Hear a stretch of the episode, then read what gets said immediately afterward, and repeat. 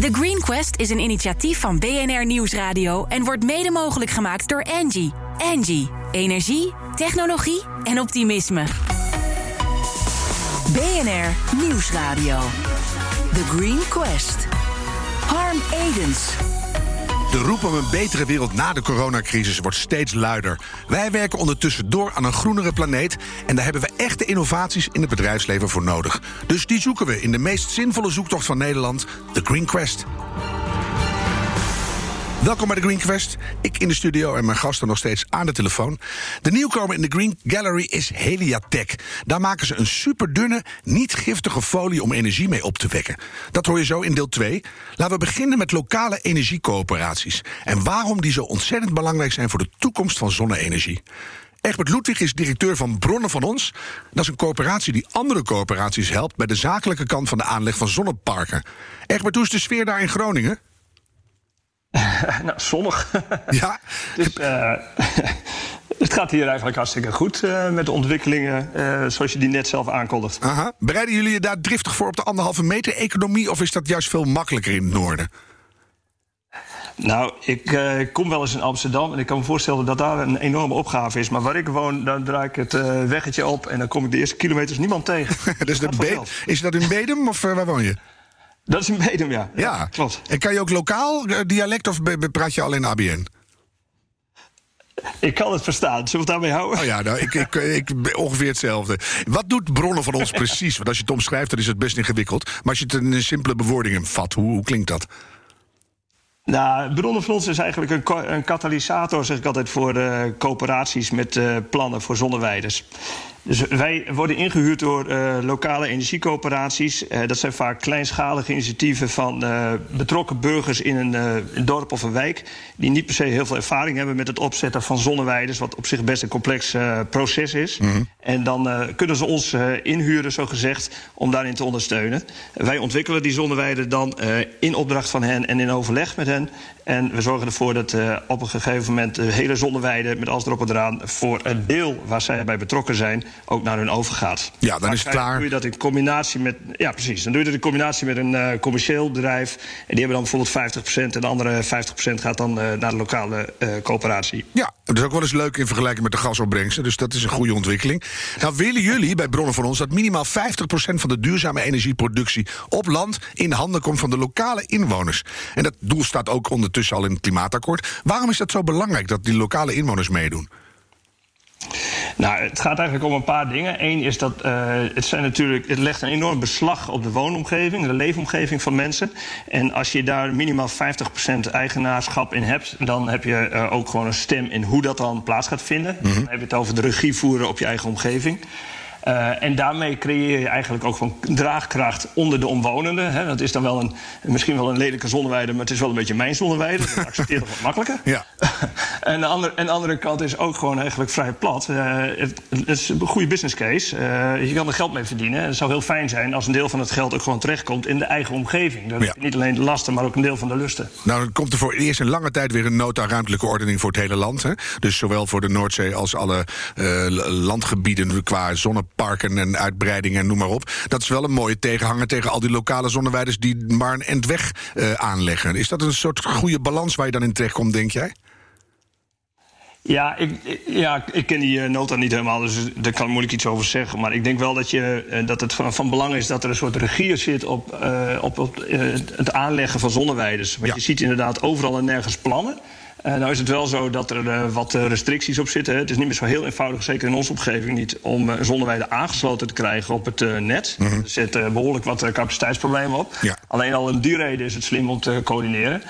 Maar het is ook gewoon best wel duur natuurlijk. Dus het is leuk om met een proces te beginnen. Maar als het vervolgens in heel veel gevallen niet kan doorgaan, om allerlei eigenlijk van tevoren wel in te schatten redenen, kunnen we misschien beter ook niet aan beginnen. Ja, dus daarom zijn jullie ook zo belangrijk, hè? dat jullie vanaf het begin meedoen. Wat lukt jullie als lokale coöperaties wel? Wat die grote energiebedrijven zonder jullie niet lukt.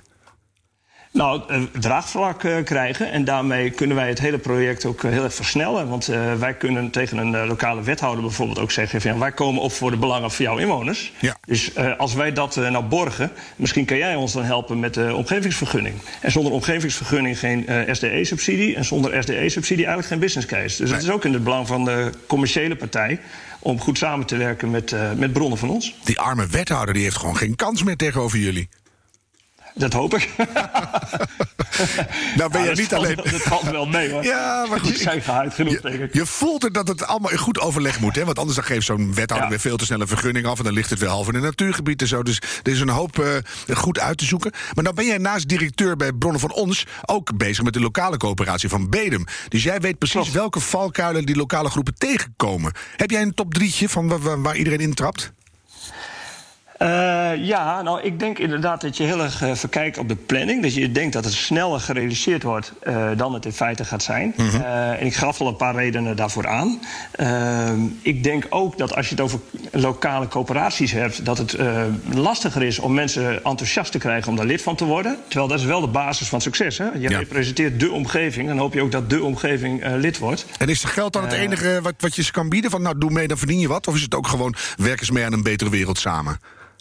Nou, de, de- kijk, de- in de praktijk is het zo dat eh, mensen eerst toch wel geïnteresseerd zijn in wat levert het mij persoonlijk op. Ja. Eh, daarna is het ook eh, interessant om te zien wat levert het mijn woonomgeving op. En daarna is het interessant om te zien wat levert de, de wereldbol op. Dat is toch heel eerlijk gezegd wel gewoon de prioriteitenvolgorde. Ja, oké, daar is niks mis mee, want het is gewoon Nee. is. En als je daarop kan inspelen, Ja. nou, dan kun je ze even goed voor je winnen. Heb je nog meer valkuilen waar we in tuinen?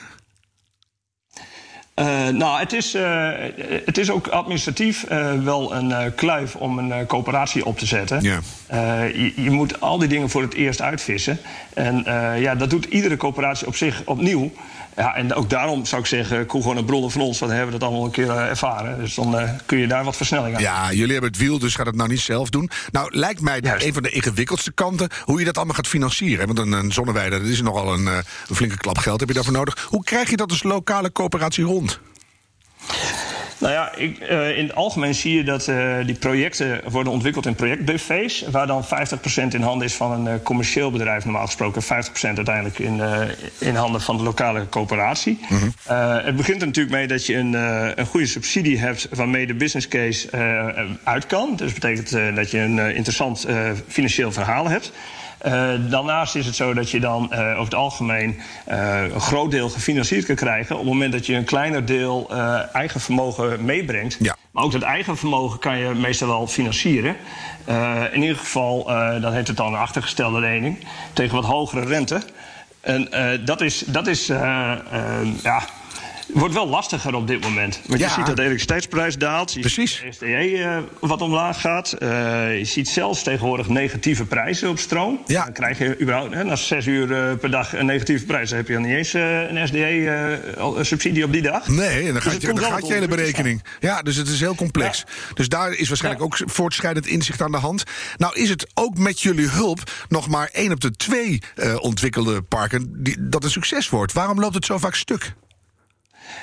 Ja, er zijn allerlei redenen voor. Maar het, het- is wel zo dat eh, je kan eigenlijk de ontwikkeling, de bouwfase zeg maar, van een park kan je een beetje opdelen. En de eerste fase zou je zeggen is de planologische fase. Dan heb je het over eh, goedkeuring krijgen voor je idee. Ja, daar kunnen duizend en redenen zijn waarom het niet past of niet nu past. Eh, daar valt al ongeveer de helft van de plannen af. Dan heb je niet zo vreselijk veel geld uitgegeven. Maar dan wel, ben je wel vreselijk veel plannen al kwijt. Ja. Daarna krijg je een fase waarin je eigenlijk de omgevingsvergunning kan aanvragen. Nou, ja, dan is de gemeente of de, de omgeving is in ieder geval al enthousiast. Dat is al het begin. Daarna krijg je die SDE.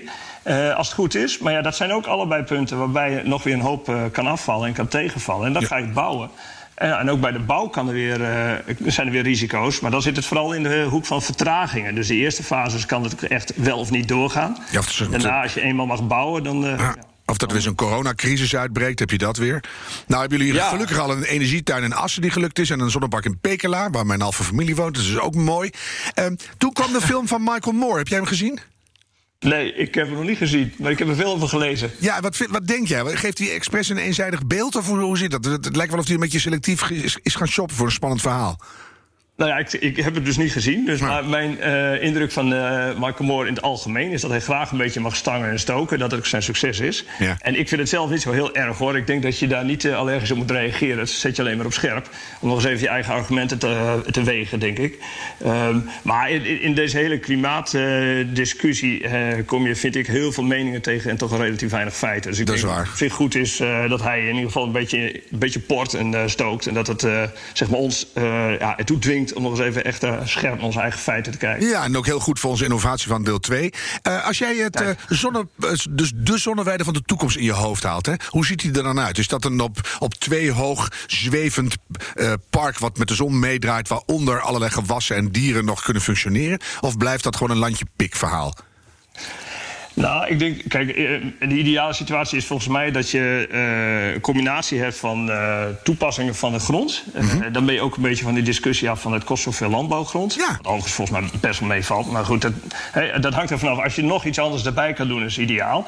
Ik ken ook voorbeelden van zonneweiders nu al. Dan hoef je niet eens naar de toekomst te gaan. Waarbij het ook gecombineerd wordt met recreatie. Oh ja. Dus het is niet, niet alleen maar een paar honderd vierkant, hoe heet het, een paar honderd hectare met alleen maar lelijke panelen of zo. Nee. Daar kan je veel meer mee doen. Ja. En inderdaad, er zijn ook wel technieken uit Duitsland waar ze op 2,5, 3 meter hoogte staan. Waaronder je gewoon met een trekker kan rijden, bijvoorbeeld. Dat zou ook kunnen. Allemaal, ja. Dat is allemaal mogelijk, alleen het kost wel geld, dus het moet wel uit kunnen. Ja, of dat je, zeg maar, dat je ze op 2,5 3, of 4,5, 5 meter hoog doet en dat je er dan onder gaat wonen. Dat is misschien ook een idee. Ik ga je heel veel succes wensen. En met al die parken die je nog gaat aanleggen. Dankjewel, Egbert Ludwig, directeur van Bronnen van Ons.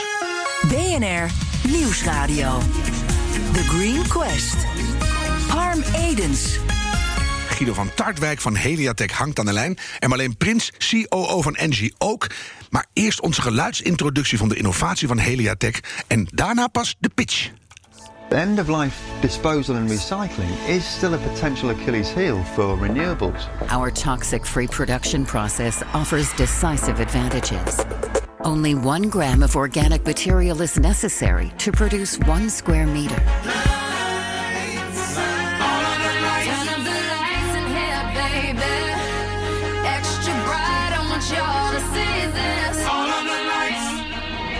The future is light. Be part of it.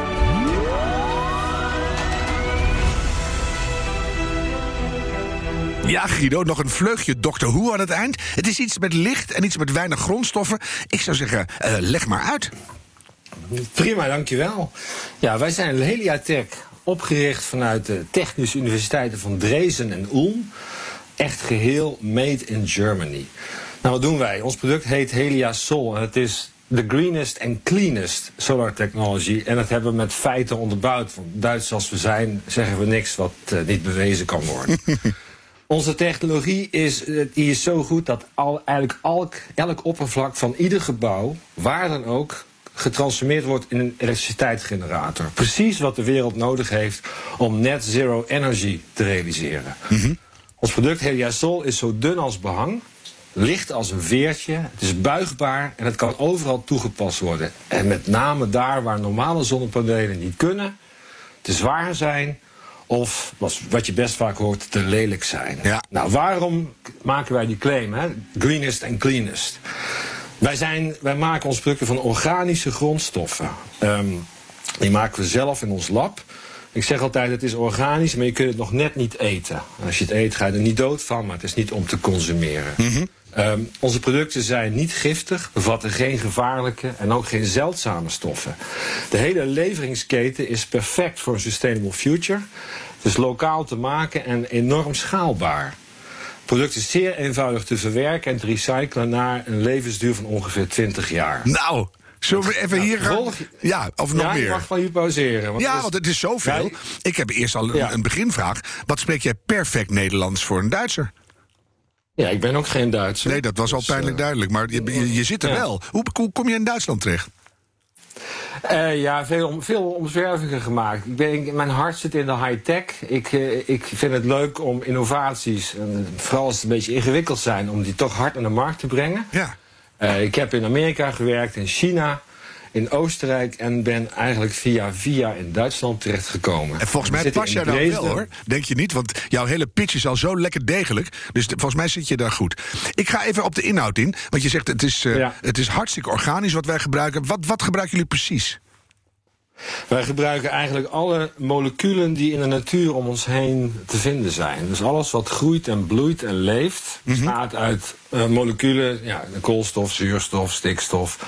Nou, die, die gebruiken wij. En daar maken wij nieuwe moleculen van. Ja. Eh, die, die heten met een ingewikkeld woord oligomeren. Klinkt als polymeren. Maar dan poly anders, ja. Veel en oligo betekent weinig. Het zijn korte moleculen. En die kunnen we eigenlijk helemaal op onze manier in elkaar sleutelen en op elkaar zetten, zodat ze zonlicht omzetten in elektriciteit. Maar ik ben altijd van eh, de de kleine, kleine heldere beelden. Eh, kun je zeggen dat jullie zonnepanelenfolie wordt gemaakt van aardappelschillen? Eh, kun je zeggen, ja. Ja. Aardappelschillen en, eh, en, en bomen, eh, alles af, afval, groen afval. Letterlijk allemaal groene waste kan je omzetten in cellen die licht produceren of stroom produceren. Hoeveel heb je daarvan nodig per paneel? Moeten daar halve akkers voor in of valt het mee? Nee, we hebben gebruiken dus één, per vierkante meter hebben we minder dan 1 gram nodig van deze speciale moleculen. Zo. En die verpakken we eigenlijk in beschermende lagen die ook allemaal milieuvriendelijk zijn, zodat het goed bestand is tegen eh, vocht en Ja. ultraviolet. Daar kunnen ze eigenlijk niet zo goed tegen. Nee, en dan zei je ook al na 20 jaar, dan zijn ze ongeveer op. Dan kan je ze optimaal weer recyclen. Het klinkt bijna te mooi om waar te zijn. Ben je het met me eens? Nou, het klinkt, het klinkt bijna te mooi om waar. Dat heb je Ja, goed gezegd, ja. bijna. Het is bijna te, te mooi om waar te zijn. Nou, het is waar. We hebben inmiddels al eh, een dertigstal eh pilootinstallaties geïnstalleerd wereldwijd. Ja. Eh, veel klanten die zitten te wachten op spul. Omdat het zo, ja, het is, eh, het, is, het is niet alleen, het klinkt niet alleen goed, het is ook goed. Ja, het, eh, ik val het van de ene verbazing in de andere. Ik had me natuurlijk wel ingelezen, maar als ik het nu weer van jou hoor, denk ik van, nou, het is toch wel echt fantastisch. Als je nou, ik heb nog één zeurpunt, want dan gaan we naar Marleen, want die heeft, die heeft natuurlijk veel meer kennis van zaken. Het rendement ten opzichte van de traditionele panelen die er nu liggen, is dat vergelijkbaar of blijf je dan toch zwaar achter? Nou, blijven- ik zeg altijd, als je met normale zonnepanelen nog mooie sier denkt te kunnen maken, moet je dat vooral doen. Mhm. We zitten nu ongeveer op de helft van normale zonnepanelen qua rendement. Ja. Dat is natuurlijk een beetje sneu. Eh ter vergelijking moet je zeggen dat normale zonnepanelen hebben inmiddels nu wel hun limiet bereikt qua rendement. Dat is al een jaar of dertig wordt er aan geïnnoveerd. Ja. Wij staan eigenlijk aan het begin van die curve. Dus je kunt eigenlijk ieder jaar een flinke eh, verbetering van het rendement verwachten. En daarom beginnen we ook niet meteen in alle landen van de wereld. We beginnen eigenlijk in die landen waar stroom nu al heel duur is. En of waar veel zon schijnt. Ja, dat begrijp ik. En, En- Want jullie zijn al sinds 2006 bezig. Maar je verwacht nu, zo langzamerhand na 14 jaar, dat je en technologisch nog zwaar door kan innoveren en kan opschalen. Dus dan snap ik ook waarom je op dit moment in de Green Quest zit. Want dat wordt dan de volgende stap die jullie gaan zetten, denk ik. Ja, wij gaan dit jaar nog de markt op. Eh, we zijn inderdaad al 14 jaar bezig. En het is natuurlijk verschrikkelijk lang voor een start-up. Maar we hebben ook echt alles zelf moeten ontwikkelen. De machines bestonden niet om het spul te maken in grote aantallen. Processen niet. En de stofjes niet. Ja. Nou, dat is ongeveer klaar. Helemaal En goed. We zijn nu klaar de markt op te gaan. Ik ga naar Marleen. Heb jij een, eh, een, een, een aantal dingen die jij wil weten, Marleen, na mijn voorzet? Nou ja, zeker. Want ik herken wel dat eh, zonnepanelen niet op alle duiken kunnen of niet altijd gewend zijn qua gewicht. En in die zin ben ik eigenlijk ook wel benieuwd of die folies van jullie al in bouwmaterialen geïntegreerd is. Ik denk maar aan dakplaten of zijpanelen. Ja. Of op een bepaalde manier zodat we het makkelijker toegankelijk kunnen maken. Ja, hele goede vraag. We hebben eigenlijk twee eh, vormen om naar de markt te gaan. Eén is, ik noem het maar even heel simpel gezegd, dat is als gebouwen er al staan. En daar staan er al best wel veel. Dan kunnen we zeg maar een refurbishmen of, of, of retrofitten. Dan plak je het er gewoon op als behang. Maar we hebben ook een heel klantenportfolio van bouwelementconstructeurs. eh, van allerlei soorten. Staal, eh, eh, beton, hout, bitumen, et cetera. En die integreren onze, onze folies, wij als halffabrikaat in hun producten. Dat duurt wat langer, want het de hele design-in-proces is, is vrij omvattend. Maar we hebben daar een mooie, eh, een mooie lijst van klanten al die dat gaan gebruiken. En dat gaat dan op een gegeven moment ook veel sneller, lijkt me. Als je het eenmaal weet, dan... eh, voor- Als dat eenmaal draait, dan is dat op de lange termijn inderdaad de grootste volume. Ja, mooi. En dat is, ja, Marleen, nog dan meer. is het ook geen Ja. patchwork, hè. dan Nee. is het gewoon maatwerk. Nou, wat ik wel leuk vond, je maakte ook de vergelijking met behang. En toen kwam eigenlijk bij me op: kan ik dit nou als consument zelf ook aanschaffen en zelf plakken? Aha.